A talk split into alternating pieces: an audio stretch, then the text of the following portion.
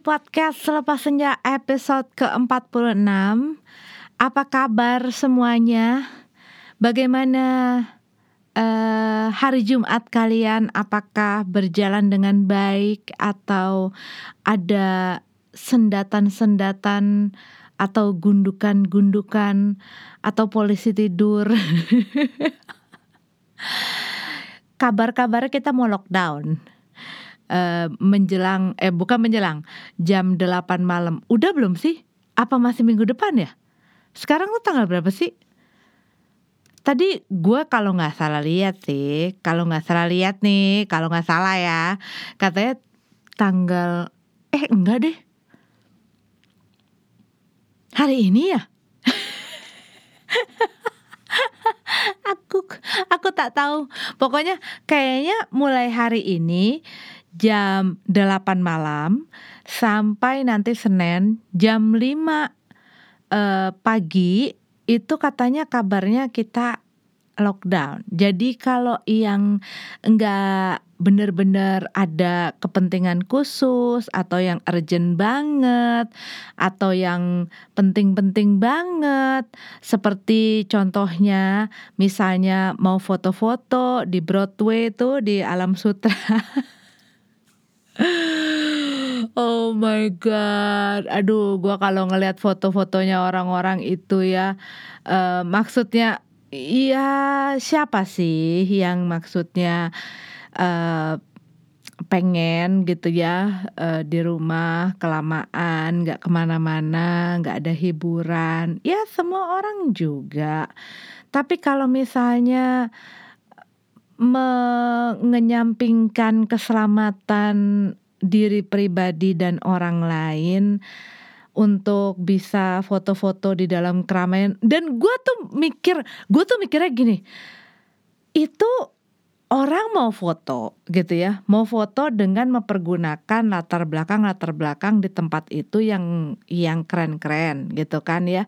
Tapi kalau misalnya di dalam situ penuh orang Terus mau foto apa? Kenapa nggak ke uh, ke mana gitu yang banyak orang? Ke ke pasar kek? Ke mana kek? Yang maksudnya emang rame orang? Karena nggak ada bedanya gitu kan uh, Aku kehabisan kata-kata teman-teman. Gimana dong? Gue pengen ngomong Pengen ngeluarin uh, kegemasan-kegemasan gue gitu ya Kegeregetan gue. Ya gak bisa. Dan kalau misalnya udah kayak begini Terus banyak yang yang kayak nyentil-nyentil. Karena gini uh, Ya kan kita kan suka ya. Maksudnya ya semua orang kan kadang-kadang semua orang nggak sih ada di dalam satu grup gitu? Grup apa keluarga grup temen grup uh, temen SD SMP SMA kuliah dan lain sebagainya. Gue tuh waktu beberapa hari yang lalu sempat gitu loh melihat perbincangan di dalam salah satu grup yang gue ada di situ. Uh, memang gue adalah pasif. Silent reader Alah, pasti juga lu salah satunya yang suka jadi silent reader, yang cuman baca tapi uh, cuman baca geleng-geleng terus udah gitu berkomentar dalam hati ataupun nggak cuman dalam hati, berkomentar tercetus gitu ya. Tapi lo nggak balas lo nggak me, me apa ya tidak merespon dan lain sebagainya. Cuman ini apa sih ini orang? Apa sih? gitu ada kan? Kadang-kadang ada loh. Banyak loh. Seperti itu. Dan and I'm one of them. Jadi gue tuh ada di dalam satu grup. Yang di dalam grup itu ada orang yang selalu tiap hari itu apa ya berita covid itu kayak setiap lima menit sekali dia ngepost entah ada yang eh, meninggal lah, ada yang inilah, ada pokoknya yang serem-serem, serem-serem deh gitu.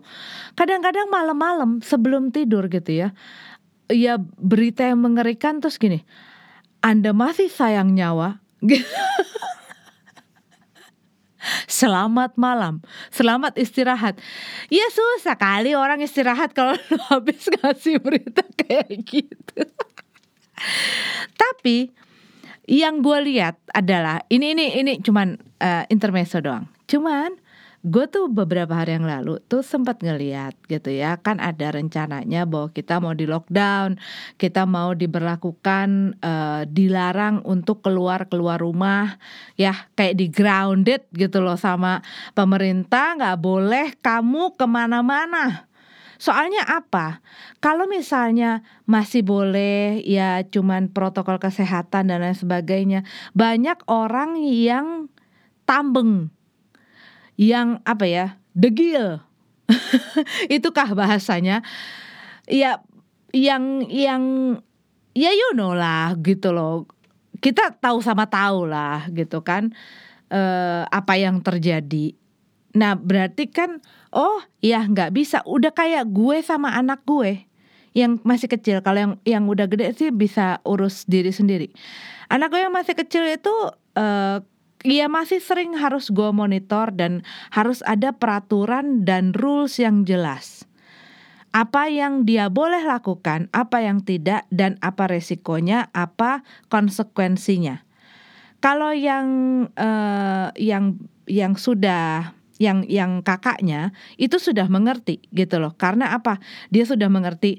Oh ya, kepentingan gue ini untuk gue dan gue harus ngapain gitu loh. Jadi uh, dia udah tahu apa sih yang harus dilakukan untuk kebaikan dia dan apa yang tidak mencelakakan dia, apa yang tidak merugikan dia, apa yang nggak bikin dia uh, masuk ke dalam masalah itu dia udah dapat konsepnya. Sedangkan yang kecil ini yang masih dikit-dikit main, dikit-dikit main dan gampang terdistract pikirannya dan dan hidupnya itu perlu diberikan bukan garis tipis lagi, bukan di, diliatin oh ini adalah uh, benang merah. Enggak, enggak, enggak benang merah. Dia harus tali tambang. yang bisa dilihat dengan jelas. Eh, nggak boleh lewatin begini gitu ya. Lu nggak boleh misalnya gua harus jelas-jelas. Oke, dari jam uh, pokoknya jam sekolah itu kamu harus bermain eh bermain. kamu harus belajar. Kamu tidak boleh main, kamu tidak boleh yang namanya Discord Discord tanda apa apalah segala macam itu gitu ya. Uh, no no segala macam. Pokoknya yang gue minta cuma itu. Selama PJJ dan selama dia lagi sekolah itu yang gue minta adalah please put your school and study as your number one priority. Oke. Di luar itu kalau kamu sudah menyelesaikan atau kamu sudah memenuhi kewajiban kamu, hey, you free to do anything. Gue bukan, gue sebenarnya bukan orang tua yang banyak cincong gitu loh. Kalau misalnya Uh, karena apa? Gue melakukan kewajiban gue sebagai orang tua gitu kan. Dan lu juga melakukan kewajiban lo sebagai anak. Kalau lu udah tahu kewajiban lo, gue udah tahu kewajiban gue, gue melakukan, lu juga ngelakuin. Kalau lu nggak ngelakuin, ya gue berhak dong. Gitu, marah, menegur dan lain sebagainya. Karena apa? Selain daripada itu, lu mau main kek, lu mau jungkir balik ke di kamar lo, lu mau bikin apa kek, apa yang lo minta kek, itu kan udah ada. Nah sekarang yang gue minta adalah lo setidaknya do your best buat apa yang udah kita usahakan. Mati-matian. Mungkin buat beberapa orang uh, apa ya ada ya beberapa orang yang nggak nggak adil lah. Emang siapa yang pengen sekolah segala macam masa anak gitu. Ya itu pikiran lo. Tapi kita sebagai orang tua yang kerja mati-matian gitu ya kerja mati-matian untuk me menyekolahkan anak-anak kita memberikan uh, apa ya bekal sama mereka. Dan banyak gue ketemu banyak orang bahkan temen gue sendiri yang tidak setuju bahwa eh anak itu kan nggak perlu atau tidak pantas untuk dipaksa masuk ke sekolah. Ya itu anak loh. Tapi selama gue bisa men-save maksudnya gini loh. Eh uh, setidaknya dia but, punya punya bekal. Dia mau jadi orang seni, please. Toh bapak ibunya juga kerja di seni, gitu. Tetapi kita tahu bahwa pada zaman sekarang dan saat ini, gue lagi mau ngomongin COVID jadi ke sini deh jadinya. Itu bukan gue meragukan ataupun gue orang pesimis, tapi persaingannya dan lain sebagainya itu masih terlalu berat. Kalau gue gue sempat nanya sama anak gue, dan gue tahu dia itu pengen hidup yang enak, gitu ya. An ih siapa sih yang nggak pengen hidup enak? Gitu kan. Siapa sih yang pengen? Aku nanti kalau sudah dewasa aku pengen hidup susah gue nggak pengen punya duit gitu. Siapa sih karena gue bilang sama gue gue banyak gue banyak ngobrol sama anak gue dan banyak bercerita sama anak gue. Gitu ya. Uh, ya gue pernah muda pernah muda pernah ngelakuin segala rupa uh, hal gitu ya. Gue pernah bandel gue pernah jadi uh, ya pokoknya gue gue pernah bandel lah. Gue pernah bandel dan pernah bukan bandel aja bandel banget gitu ya. Dan gue uh, tahu apa kosnya gitu loh. Apa apa akibatnya? Dan itu gue ceritain. Gue sih nggak malu cerita sama anak gue kesalahan kesalahan gue kebejikan kebejikan gue zaman dulu gitu. Gue banyak banyak bercerita uh, gua dan suami gue tuh banyak banyak cerita kalau kita lagi makan malam atau lagi nongkrong gitu ya sambil minum kopi atau apa uh, itu gue banyak ngobrol sama mereka cerita zaman dulu gitu ya. Dan dan dan itu kurang lebih bisa. Nah yang kakaknya sudah menangkap gitu loh. Oh ya kalau gue mengulang apa yang dulu uh, nyokap gue lakuin atau bokap gue lakuin iya apa namanya gue akan ngelewatin atau mendapatkan hasil atau menghadapi sesuatu yang yang membuat mereka susah seperti apa yang cerita mereka gitu kan. Sehingga gue harus bisa lebih memanage hal tersebut. Nah yang kecil ini kan belum Nah, ini sedang sedang sedang sedang sedang digiring dan dicoba untuk diberikan pengertian-pengertian. Tapi kan ya itu nggak langsung bisa ngerti dan nggak bisa langsung dijejelin dan nggak bisa mungkin dengan cara militer atau apa gitu ya.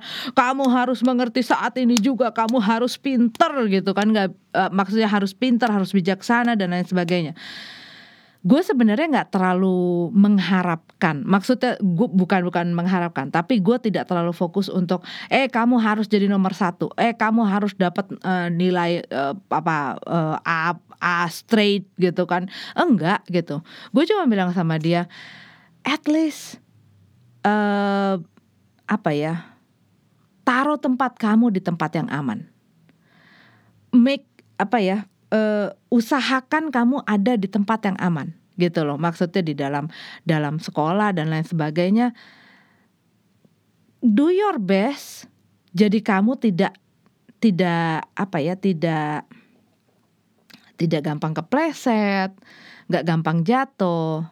Dan posisi kamu posisi yang aman yang tidak uh, apa ya yang tidak terancam gitu loh. Terancam gagal dan lain sebagainya karena abis itu kamu nanti waktu kuliah, kamu mau ngambil mau ngambil jurusan apa saja itu urusan kamu.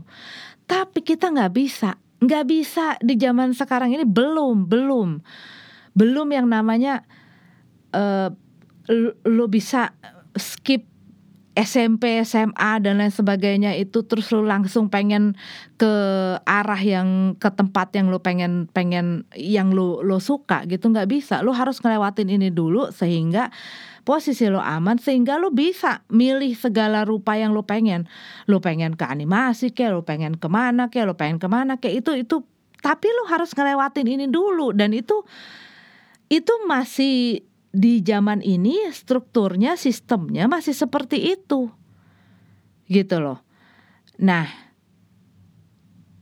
anak gue nomor satu sudah mengerti, yang nomor dua, yang nomor dua masih on the way gitu ya, masih on the way. Dan kadang-kadang mungkin masih kiri kanan, kiri kanan gitu ya, masih gampang terdistract gitu ya, apalagi ya sekarang kan ya kayak ya main game, ada komunitasnya, uh, serung main bareng-bareng, ngomong. Di satu sisi gue suka gue happy. Karena apa? Dia masih bisa berinteraksi walaupun kita sedang dalam keadaan pandemi dan kita harus di rumah dan lain sebagainya. Dia nggak bisa keluar rumah dia nggak bisa berinteraksi sama teman-temannya. At least dia punya teman-teman dia bisa use uh, his English gitu ya untuk ngobrol sama orang luar dan lain sebagainya di satu sisi gue seneng gitu loh karena dia have tetap uh, fun gitu loh tapi di sisi lain gue mulai yang, hmm, ini nih, ini satu distraction yang besar sekali buat dia gitu ya. Karena apa? Sebelum-sebelumnya dia sempat udah udah udah oke okay lah jalannya, udah oke okay banget gitu ya.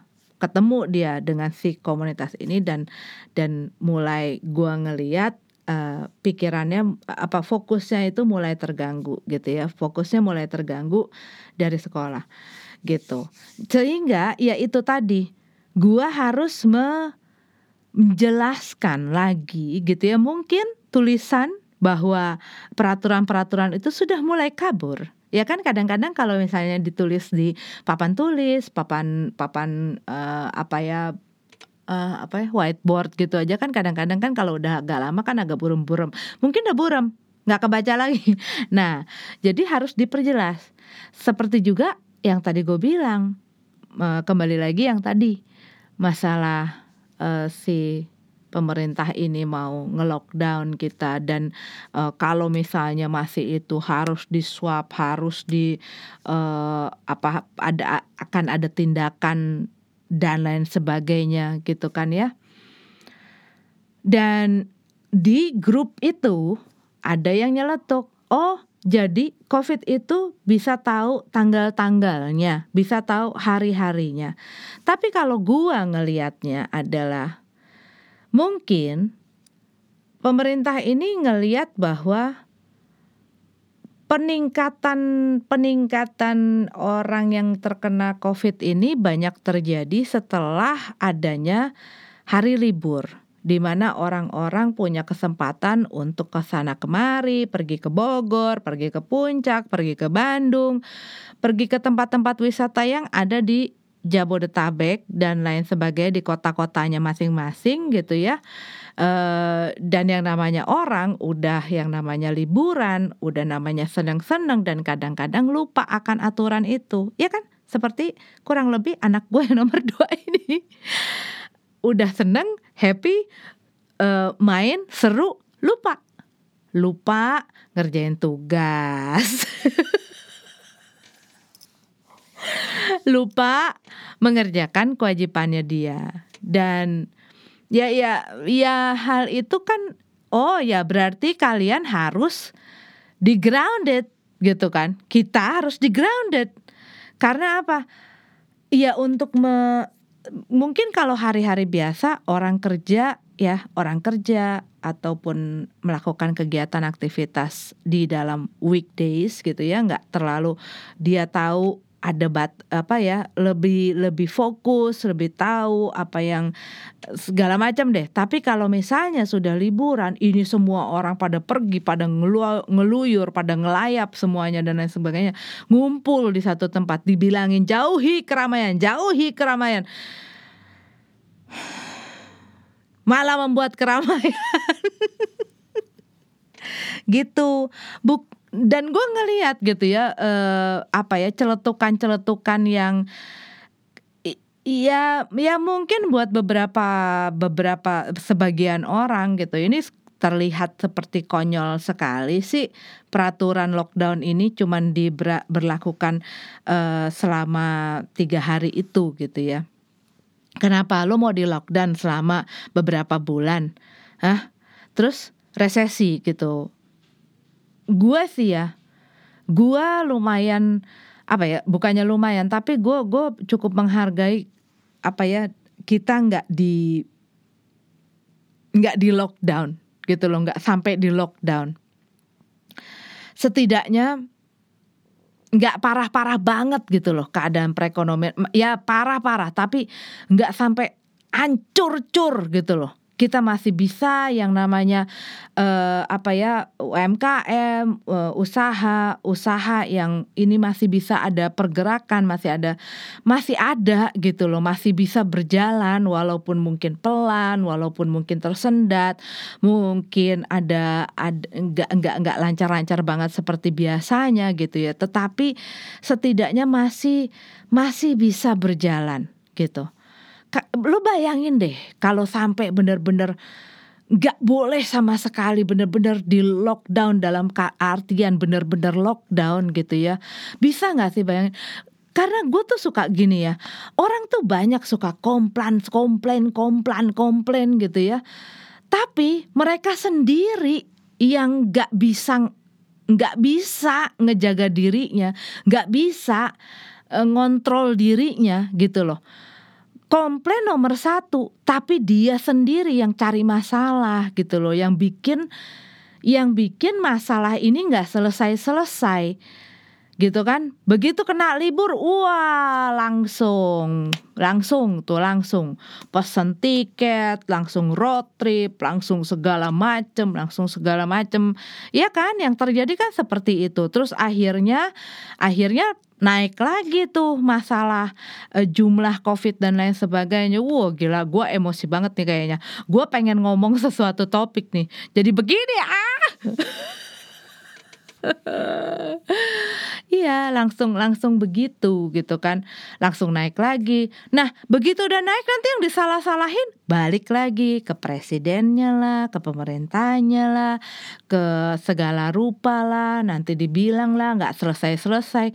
Padahal Orang yang mungkin salah sa banyak sekali orang yang teriak-teriak kenapa sih nggak bisa nih covid ini cepat selesai? Kenapa sih kita nih uh, apa ya uh, hasilnya kok lambat sekali nggak seperti negara-negara lain? Padahal perilakunya sendiri yang seperti itu. Padahal mungkin mereka adalah salah satu orang yang sibuk potret potret potret potret cari uh, suasana atau tempat instagramable gitu ya ataupun cari tempat kuliner yang baru atau ke tempat wisata yang baru dibuka atau apa gitu ya they are one of them gitu loh. Tapi yang nomor satu komplain aku lelah.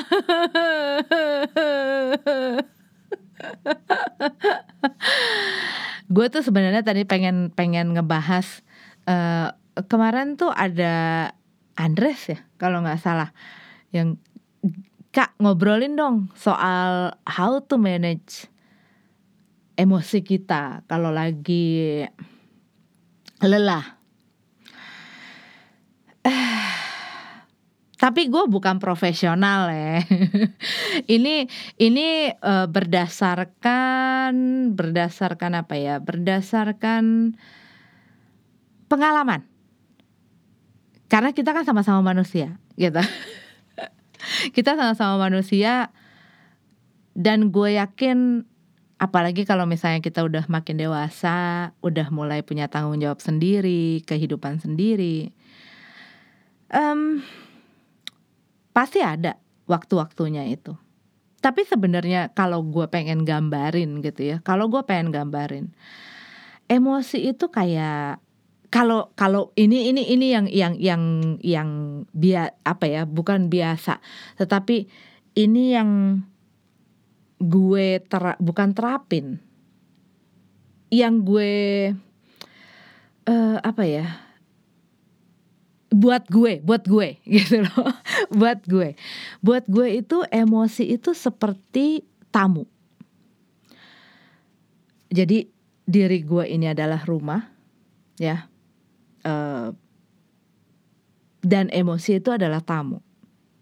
Kadang-kadang kita punya tamu yang happy, yang bikin kita happy, gitu ya, dan menyenangkan, enak diajak ngobrol.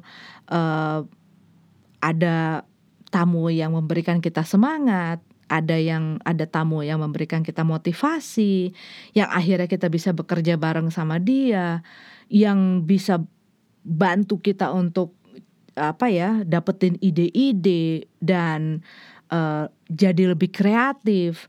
Ada tamu yang bikin kita jadi bersemangat, jadi jadi lights, jadi ceria. Ada tamu yang bikin kita jadi playful gitu kan. Ada tamu yang bikin kita sedih. Ada tamu yang bikin kita down, low. Ada tamu yang bikin kita uh, capek. Itu gue ngegambarin ngegambarin emosi gue seperti itu. Kalau buat gue gitu ya berdasarkan pengalaman gue dan ya ya pada awalnya gue nggak tahu harus bagaimana kadang-kadang di saat gue menghadapi tamu yang membuat gue down menghadapi tamu yang membuat gue sedih menghadapi tamu yang bikin gue capek ngelihat dia gak sih? Uh, tapi by the time gitu ya. Uh, kita jadi belajar how to respond how to react gitu loh dengan tamu-tamu yang datang ini bagaimana mempergunakan mereka dan bagaimana merespon mereka. Tamu seperti apa sih yang kita biarin untuk tetap tinggal dan betah di rumah kita? Dan tamu seperti apa yang hmm, kalau bisa cepetan pergi. Cepetan pulang deh loh, gitu. Mungkin kalau di dalam kehidupan nyata kita kadang-kadang juga menghadapi hal-hal seperti itu. Di mana kita kadang-kadang ada orang yang kita nggak suka gitu ya. Uh, mampir mungkin ataupun mendatangi kita ataupun berusaha untuk menjalin satu hubungan sama kita yang kita nggak gitu suka uh, dengerin mereka komplain dengerin mereka. Gue punya ya. Gue sempat punya beberapa teman yang yang kerjanya komplain terus. Komplain terus. Every day. Tahu nggak sih? Yang tadinya gue gue tanggepin gitu loh komplainannya gitu. Maksudnya gue dengerin gue dengerin gue dengerin gue dengerin gue dengerin. Sampai akhirnya itu tuh uh, apa ya? Itu tuh menular gitu loh Ener energi itu menular loh Mungkin banyak yang belum tahu, tetapi energi itu menular. Dan um, kalau kita tidak bisa memfilter ataupun kita tidak bisa mem membersihkan energi yang bukan milik kita itu sehingga menginfeksi energi kita, ya kita akan terinfeksi itu seperti virus. Jadi gue sempat dan dan gue sempat punya pikiran gini, eh gue tuh pengen berteman sama orang siapa pun loh. Gue nggak pengen pilih-pilih temen, gue nggak pengen pilih-pilih. Oh yang ini gue suka nongkrong. Ya kan gue nggak bisa begitu. Temen gue kan ada beberapa rupa, ada beberapa macam, ada beberapa uh, apa ya tipikal karakter dan lain sebagainya. Masa gue pilih yang ini gue nggak mau Nah, gue nggak ngerti. Mungkin kalau misalnya ada beberapa uh, kalian yang suka dengerin gue, kak, lu tuh kok suka sih? Gue tuh pernah pernah dapat pertanyaan itu, kak. Uh, temen lu, lu tuh suka dengerin temen lu curhat ya. Jadi suka-suka nanyain kayak begitu gitu ya. Tapi memang entah kenapa dari zaman dulu gitu ya. Dari zaman dulu, dari gue bahkan dari gue SD gitu. Gue gue padahal nggak pengen dan gue nggak minta gitu ya. Tetapi dari zaman dulu banyak orang yang suka curhat sama gue. Dan tadinya mungkin dan tadinya gue bukan mungkin tapi tadinya gue bingung gitu ya kenapa? Kenapa kok orang suka curhat sama gue kenapa kok orang suka cerita-cerita sama gue gitu loh. Kadang-kadang teman gue bisa telepon gitu ya jam jam 11, jam 10, jam 12 gitu. Wah, apalagi waktu zaman sekolah, kuliah gitu. Uh, sebelum nikah apalagi. Itu kayak nggak berhenti gitu loh. Telepon ke rumah gue tuh sampai abang-abang gue sampai nyokap bokap gue tuh sampai yang ya minta gantian gitu kan. Karena apa? Abis yang satu curhat baru tutup ada lagi baru tutup ada lagi. Itu bisa sampai jam 4 pagi loh tahu nggak sih? Gue ngeladenin udah kayak hotline. Tahu nggak gue tuh udah kayak hotline. Dengerin orang dengerin orang.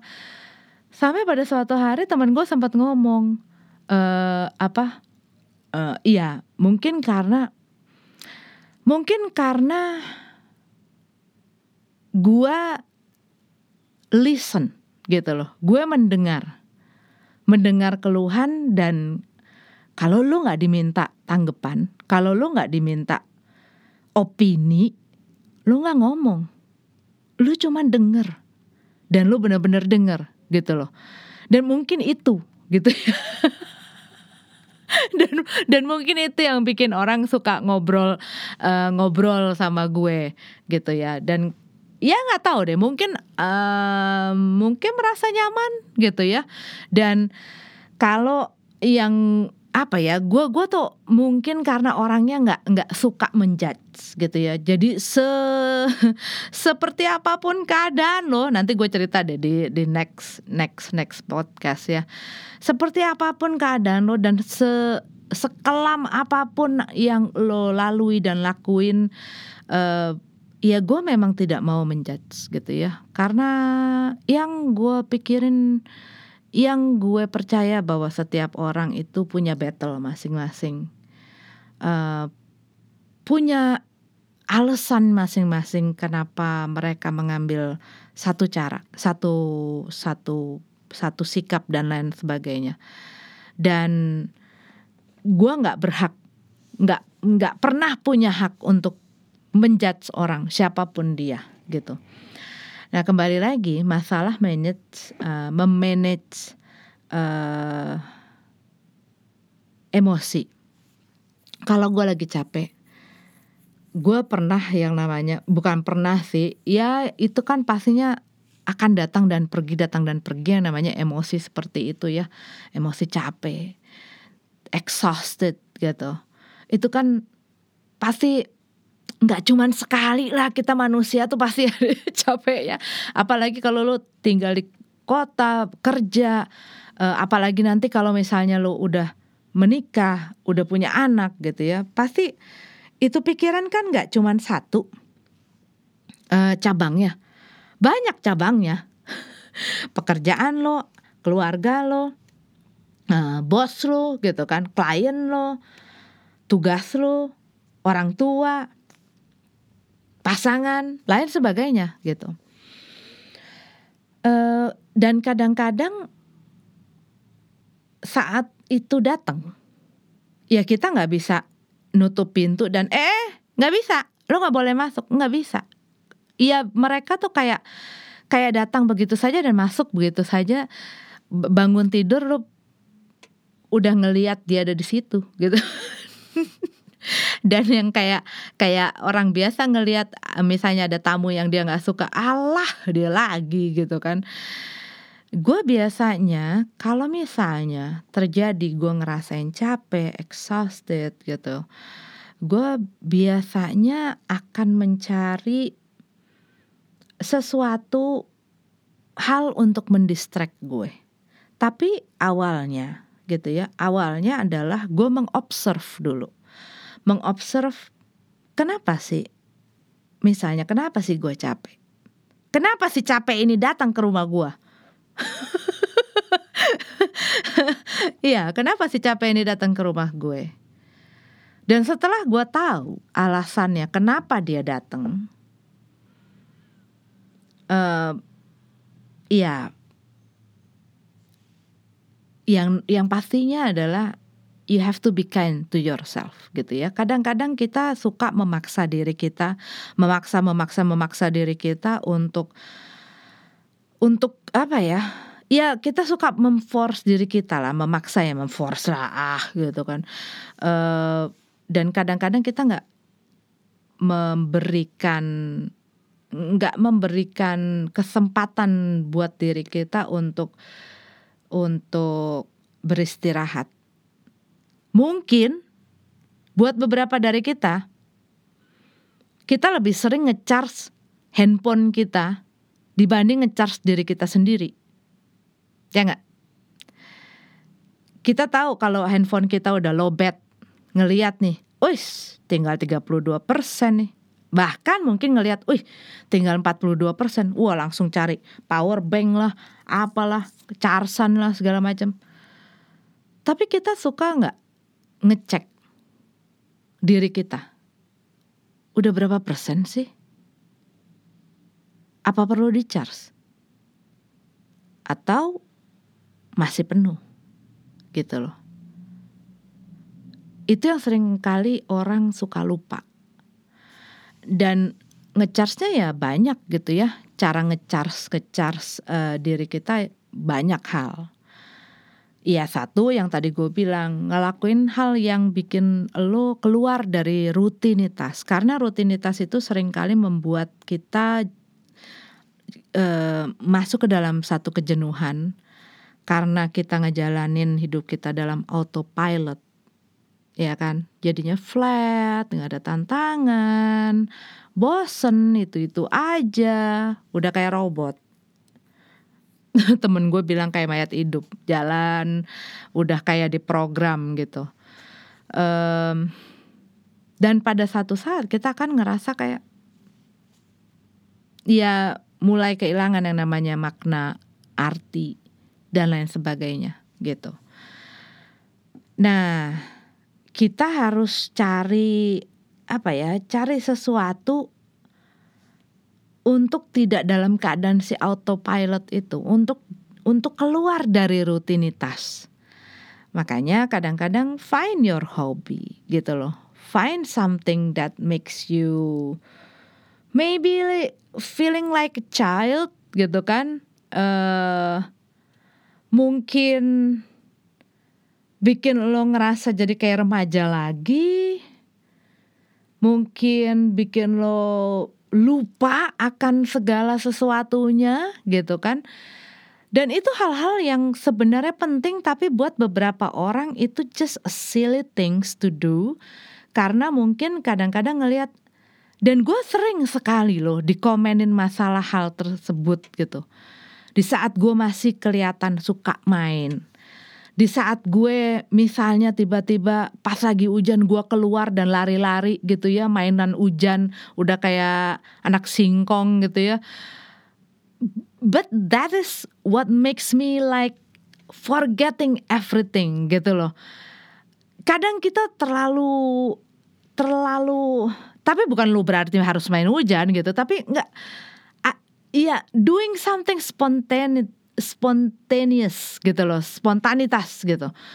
Ngelakuin sesuatu yang spontanitas, sesuatu yang fun buat lo, yang bisa bikin lo ketawa bebas, yang bikin lo bahkan mungkin mungkin dengan orang lain, mungkin dengan orang yang lo sayang gitu, ataupun mungkin dengan temen lo atau mungkin dengan siapa lo lah gitu. Tapi kadang-kadang just do it with yourself gitu loh. Uh, ngelakuin sesuatu yang bikin lo bener-bener uh, living in apa ya live in the in the moment gitu. Hidup di dalam present time.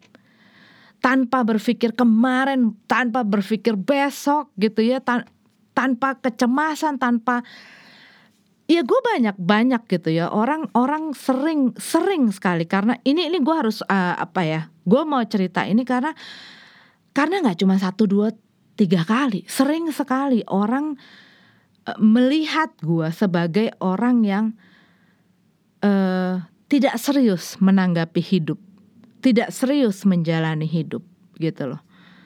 Karena masih ngelihat gue, uh, iya, do those silly things gitu. Dan buat beberapa orang mungkin yang yang gue lihat mereka mematok-matokkan apa dan apa yang boleh dan apa yang patut dan apa yang nggak semestinya dilakukan berdasarkan berdasarkan umur.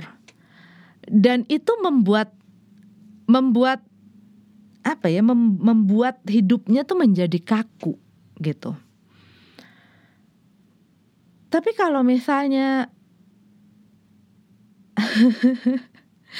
kalau misalnya lu mencabut batasan-batasan itu, coba deh. Rasanya light. Gue sempat ya waktu itu capek sekali. Uh, bukan berarti uh, misalnya kayak kayak gue gitu ya. Uh, gue suka musik, gue kerja di musik. Tetapi saat hal itu udah dijadikan satu sumber penghasilan, itu beda loh. Saat lo menjadikan passion lo hobi lu menjadi sumber penghasilan itu akan berbeda.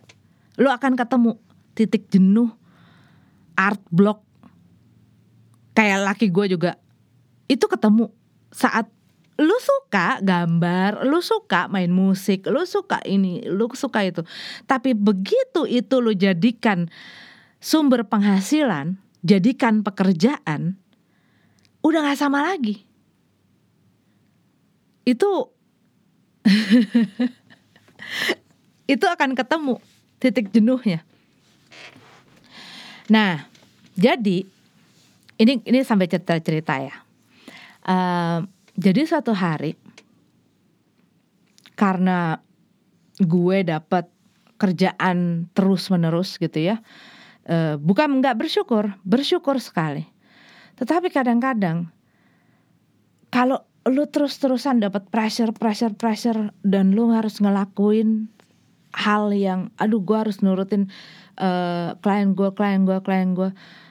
Ya itu datang kejenuhan, capek, art block, uh, hambatan di dalam kreativitas itu, gitu. Dan gue tuh waktu itu malam-malam udah jam jadi gue tuh harus bikin satu proyek gitu ya. Gue harus bikin satu lagu gue harus cari liriknya gue harus cari nadanya gue harus gue harus ngisi gitu loh. Nggak dapet. Dan serba salah aja semuanya tuh serba salah gitu. Nggak dapet. Bahkan gue masukin uh, back vokal juga hancur lebur gitu Terus gue tutup, gue tutup, gue mikir gue harus ngapain ya. Kok kayaknya capek banget gitu loh, kayaknya capek banget. Gue kayaknya gak bisa mikir. Dan gue gak mau tidur gitu. gue gak mau tidur. Gue gak mau tidur, gue gue harus ngerjain ini. Deadline-nya tuh deadline-nya tuh besok gitu. Terus akhirnya kebetulan ada temen gue dia uh, uh, keyboardist gitu ya. Dia keyboardist. Dan kebetulan dia juga lagi rum runyam gitu loh. Dia dia kebetulan uh, guru apa di Belanda ya guru di Belanda. Dan dia tuh lagi ada apalah proyek apalah gitu yang bikin dia juga capek gitu. Terus kita tuh ya eh you know why don't we just like do something spontaneous gitu loh, spontaneously. Spontanitas lo main jangan pakai otak. jangan pakai otak. Just play gitu ya. Jadi kita ngejam live gitu kan, ngejam live. Dan gue juga nggak pakai nggak nggak nggak pakai aturan uh, lirik juga ancur-ancuran gitu ya. But it's fun gitu loh. It's fun. Dan kita ya ya terus aja gitu, terus aja dan dan itu kayak nggak ke mana-mana, bukan ya ke mana-mana, tapi ngalor ngidul gitu ya, nggak nggak jelas juntrongannya, tapi it's fun, it makes us laugh gitu ya, dan sejenak tuh kayak Iya itu kayak nge uh, ngasih apa ya ngasih satu kayak mungkin itu seperti kayak lu narik napas panjang dan ngepasin dan wow oke okay, I'm ready to get back to work gitu loh. Iya itu itu salah satu contoh salah dua contoh adalah ya itu tadi keluar rutinitas mungkin main game mungkin baca buku mungkin uh, nongkrong sama orang yang deket sama lo atau nonton TV gitu kan uh, nonton film Iya ya hal-hal semacam itu gitu ya. Tetapi yang gue selalu gue sampai saat ini gitu ya, gue sampai saat ini uh, menemukan cara yang paling efektif untuk meng itu akan tetap ada gitu loh, bukan bukan tidak tidak ada.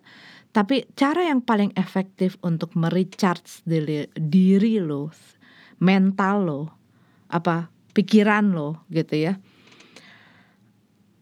Itu adalah kalau menurut gue satu exercise. Walaupun itu cuma 15 menit, 20 menit, 30 menit, ya se sebisa lo. Walaupun itu hal yang paling apa ya, exercise yang dari tipe tipe yang paling light. Kalau gue uh, setiap hari gue jalan gitu setiap setiap hari gue jalan at least satu jam um, kedua adalah tapi ada orang yang misalnya ikut apa apa lain lah hit lah apalah uh, angkat beban lah segala macam. Walaupun cuman mungkin cuman like what 10 minutes gitu. Uh, atau 20 menit. Tapi cara yang paling efektif yang hampir sama dengan exercise. Dan mungkin banyak orang menganggap sepele adalah meditasi. Meditasi bukan yang apa ya sering kali orang soalnya mengaitkan meditasi itu dengan hal yang ber, ber, berhubungan dengan goib-goib sih masalahnya gitu ya. Tetapi sebenarnya esensinya adalah kalau buat gua meditasi itu is the way you recharge your mind lu kayak mem-flash out kayak lu tahu kan kalau misalnya di kloset gitu ya lu habis buang kotoran terus lu lu sentor gitu. Nah itu adalah meditasi. Buat gue lu sentor tuh semua kotoran. Emosi yang nggak bener, emosi negatif lah, kejenuhan lo, kecapean lo, pikiran yang nggak ini. Dan itu meditasi itu ngebantu lo untuk mendisiplinkan pikiran lo. Dan pastinya tidak langsung. Tidak langsung bisa ke tahap hening itu gitu loh.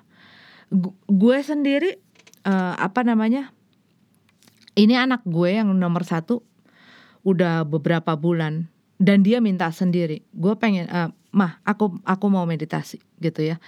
Uh, I need to focus uh, karena dia dia merasa bahwa tugas-tugasnya terlalu terlalu udah makin berat gitu ya. Tugas-tugasnya makin berat uh, dia sudah semakin banyak sekali uh, ininya gitu ya. Dan dia ngerasa ada pressure di situ. Aku mau meditasi mah. Gue nggak pernah loh yang namanya ngajakin dan mengharuskan dia mungkin kalian udah pada tahu ya sebelum sebelumnya uh, eh, gue pernah cerita ya tapi dia yang minta gitu dan akhirnya gue oke okay, yuk gue pun mengajarkan sama dia just sit down and be quiet be still kalau kamu dengar suara, let let it be. Let it be. Let it be. Tarik lagi. Tarik lagi pikiran kamu, fokus lagi. Ada bunyi lagi. Ya biarin.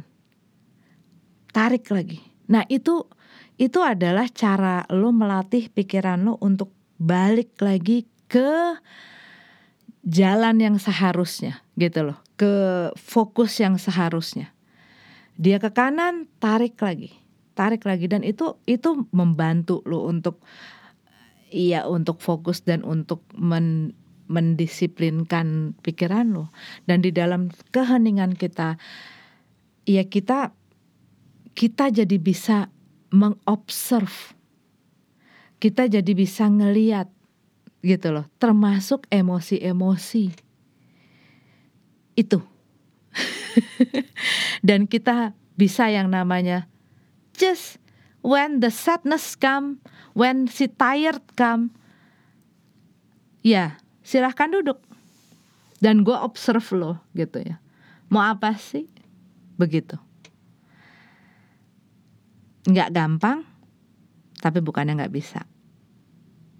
Itu sih kalau yang kalau yang selama ini gue alamin itu yang selama ini uh, the way how I uh, manage my emotion yang pastinya kita nggak bisa apa ya nggak bisa mengatur membuat jadwal akan emosi-emosi apa saja yang boleh masuk ke dalam diri kita. Tetapi kita bisa uh, bisa apa ya bisa memilih bagaimana cara kita meriak atau bereaksi atau merespon emosi-emosi tersebut.